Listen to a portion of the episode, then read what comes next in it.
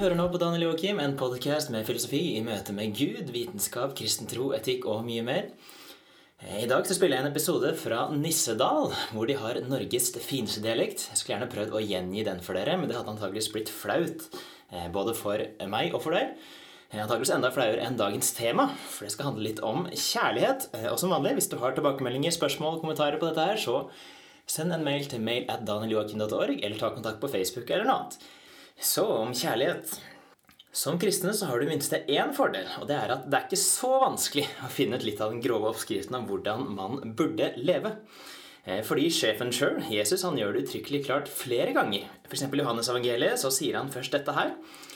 Eh, I Johannes 13 fra 34-35 sier han et nytt bud gir dere. Dere skal elske hverandre. Som jeg har elsket dere, skal dere elske hverandre. Ved dette skal alle forstå at dere er mine disipler, at dere har kjærlighet til hverandre. Så her ser vi jo allerede to ting. Nummer én er at Jesus sier at på samme måte som han elsket oss, så skal vi elske hverandre. Og nummer to er jo at på den måten skal faktisk mennesker rundt gjenkjenne at vi er disipler ved at vi har kjærlighet til hverandre. Så to ganske utfordrende ting allerede der.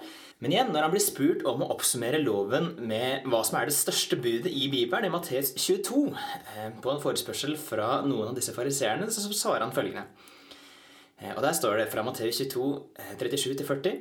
Han svarte, du skal elske Herren i Gud av hele ditt hjerte og hele din sjel og all din forstand.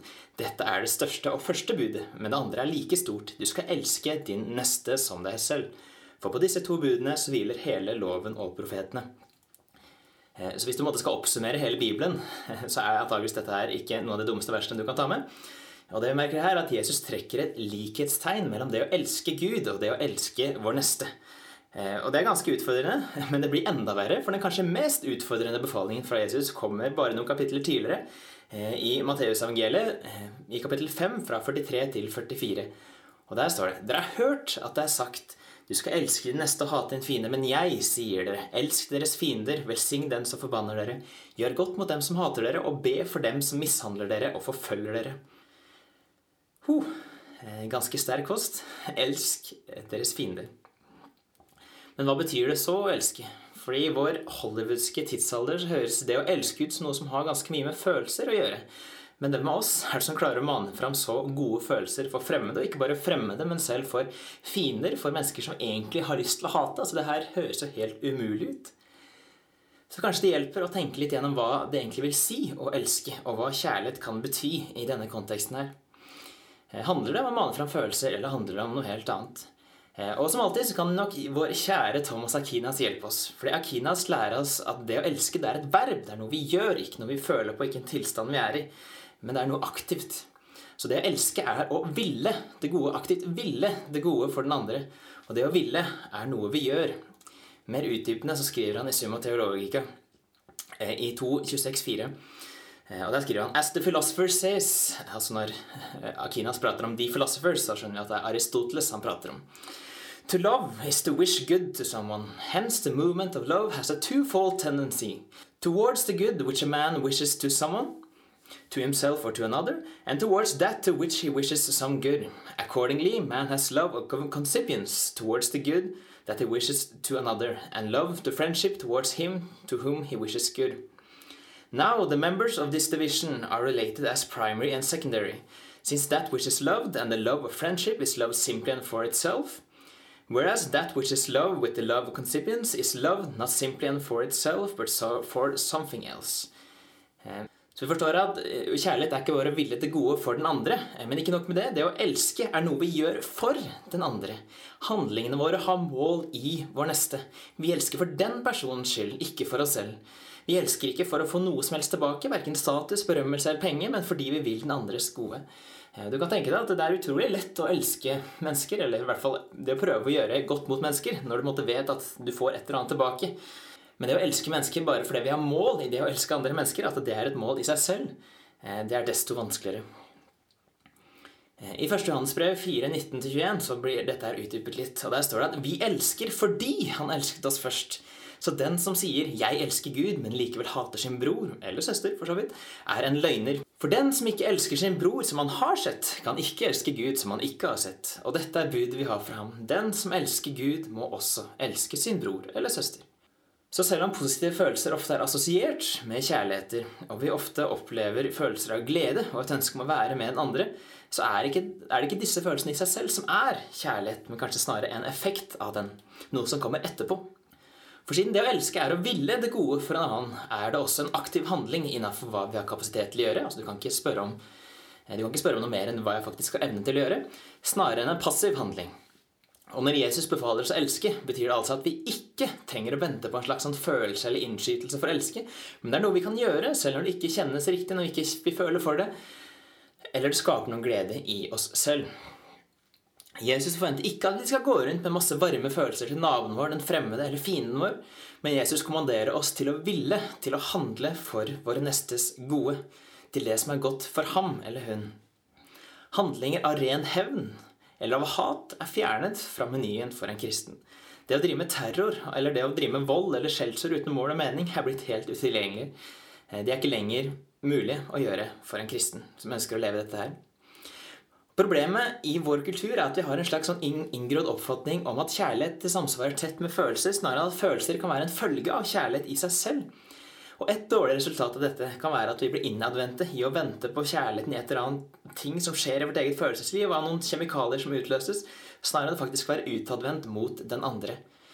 På den annen side, om følelsen er på plass, kan vi lure oss selv til å tro at det er tilstrekkelig. Altså så lenge jeg sitter i sofaen og kjenner på masse gode følelser. Selv når de gode handlingene våre mot andre ikke følges opp. I verste fall så kan kjærlighet da på en måte bli en slags sånn selvrealisering. Det blir til for meg selv, snarere enn det å ville det gode for den andre. Eh, og Et symptom på det er at vi forteller oss selv at vi bare kan elske når følelsene er på plass. Vi forteller oss selv det i ekteskap, i vennskap og i kristen nestekjærlighet. Snarere enn å være det verbet som det egentlig var ment. Å elske, å gjøre noe, å ville noe. En handling vi må trene oss opp til å velge igjen og igjen, altså vi kan velge uavhengig av hva slags sinnelag vi måtte befinne oss i. For det å la seg kontrollere mer av følelser enn av fornuft er noe som gjerne hører barndommen til, og et tegn på modning i voksen alder er å reversere dette forholdet. Å la seg styre mer av fornuft enn av følelser. Gjøre det gode som vi vet vi burde gjøre, snarere enn det vi føler for. Eh, og for all del, følelser er både naturlig og viktige, men intellektet vårt kan ta styringa over den skuta hvor følelser befinner seg under dekk. Og denne treningsprosessen i å lære oss å gjøre det er viktig for oss. Viktig for å bygge vår egen karakter. Eh, et litt dårlig eksempel. Immanuel Kant han hevder langt på vei at intellekt og følelser kan betraktes som noe som er helt separat. og Derfor så blir det en god handling for Kant er gjerne noe eh, å gjøre en handling hvor alt av følelser stritter imot, men hvor vi likevel velger det rette. Altså Hvor vi tvinger oss selv til å gi lommeboka tilbake til damen som mistet den, selv når det oppleves som en stor kostnad for oss. Eh, men istedenfor Kant så har Aristoteles og da Kinas en litt mer nyansert forståelse av forholdet mellom intellekt og følelser. For for dem så er det viktig å øve opp en karakter som er naturlig disponert mot gode dyder, hvor, det, eh, hvor det til slutt fremstår lett for oss å elske og være gode. Rett og slett fordi det virker naturlig. Så det er bedre å utvikle en karakter hvor det oppleves som gledelig å kunne overrekke lommeboka tilbake til damen, enn at det skal oppleves som en stor kostnad. Så elsk hverandre. Elsk de neste som deg selv. Elsk deres fiender, og tren på det. Forsøk å være en helgen. For det, hvilket annet alternativ kan det finnes for en som faktisk forsøker å etterfølge Jesus? Og det er ikke enkelt, men man har i hvert fall mer enn nok å jobbe med for et helt liv. Og hva mer kan egentlig et menneske ønske seg enn det? En retning, mening og utfordring for et helt liv. Og kanskje forbi det også. Må man være kristen for å leve sånn? Nei, så klart ikke. Men hvorfor? Hvorfor skal man elske hverandre om man ikke lever som kristen? Og ikke bare elske, men hvordan kan man gå så langt som faktisk identifisere det som selve meninga med livet? Fordi det er godt, svarer du kanskje. Ok, men hvordan kan du vite at det er godt? Dersom ikke Gud er kjærlighet, hvordan kan du vite at kjærlighet er godt? Og hvordan kan du vite at kjærlighet er noe mer enn bare følelser? For å si at det er godt å elske hverandre, er en utrolig ambisiøs påstand om objektiv og normativ moral. Det krever en tilsvarende solid forankring. Det krever at vi kan si noe mer om mennesker. Noe som går forbi at vi har sporadiske disposisjoner mot å oppleve gode følelser mot hverandre. Og det kan være simple bieffekter av evolusjonsprosessen, eh, eller av flokkmentalitet, eller bare det å si at mennesket er en samling av meningsløs materie i seg selv. Men på et eller annet magisk vis så dukker det opp et eller annet som gjør det godt å elske hverandre likevel. Så hva da? Tja, det hjelper i det minste å tro at Gud er virkelighetens dypeste forankring. Det hjelper å tro at Gud ble menneske, vandret blant oss og viste oss helt konkret hvordan vi burde leve. Så spørsmålet vi sitter igjen med til slutt, er hva er da denne referansestandarden som grunner i et eller annet i virkeligheten? Eh, er det Gud, som er kjærlighet i seg selv, og eh, som blir menneske og sier at vi skal elske hverandre? Eller har det noe med noe helt annet å gjøre?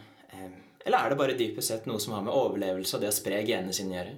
Og når vi elsker barna våre, eller når vi elsker broren vår, eller når vi elsker familien vår, eller når vi elsker noen andre, så er det egentlig bare en biprosess av noe som er naturlig innprogrammert i meg, og som ikke er godt i seg selv, men som jeg tolker som godt fordi jeg føler det som godt. Men jeg kan ikke si at det er godt for deg, for det, eh, det finner ikke sted i noe som er der ute, som er utenfor oss selv og vår biologiske programmering. Det var en klok person på Facebook som spurte meg rett og slett at Hvorfor er det lurt å elske sine fiender? Eh, hadde ikke vært mye bedre å ødelegge dem? Altså, Hvis du ødelegger dem, så står du i hvert fall ikke ditt eget liv i fare, og du rekker på en måte å ødelegge dem før de ødelegger deg. Eh, så han sa at det må jo være bedre å ødelegge dem. Men spørsmålet da er selvfølgelig at når du bruker ordet 'bedre', så har på en måte det, det ordet 'bedre' har en referansestandard. Eh, noe som det kan være bedre enn, noe som gjør at de meningsfullt kan si at noe er bedre enn noe annet, eller at noe er verre enn noe annet. Og selvfølgelig, hvis den referansestandarden bare er overlevelse eller eh, nytelse eller komfort, eller noe slikt, så kan det godt være at det å ødelegge dine fiender kan være bedre enn å elske dem. Men dersom referansestandarden faktisk inneholder Gud, så kan det hende at alternativene våre fremstår litt annerledes.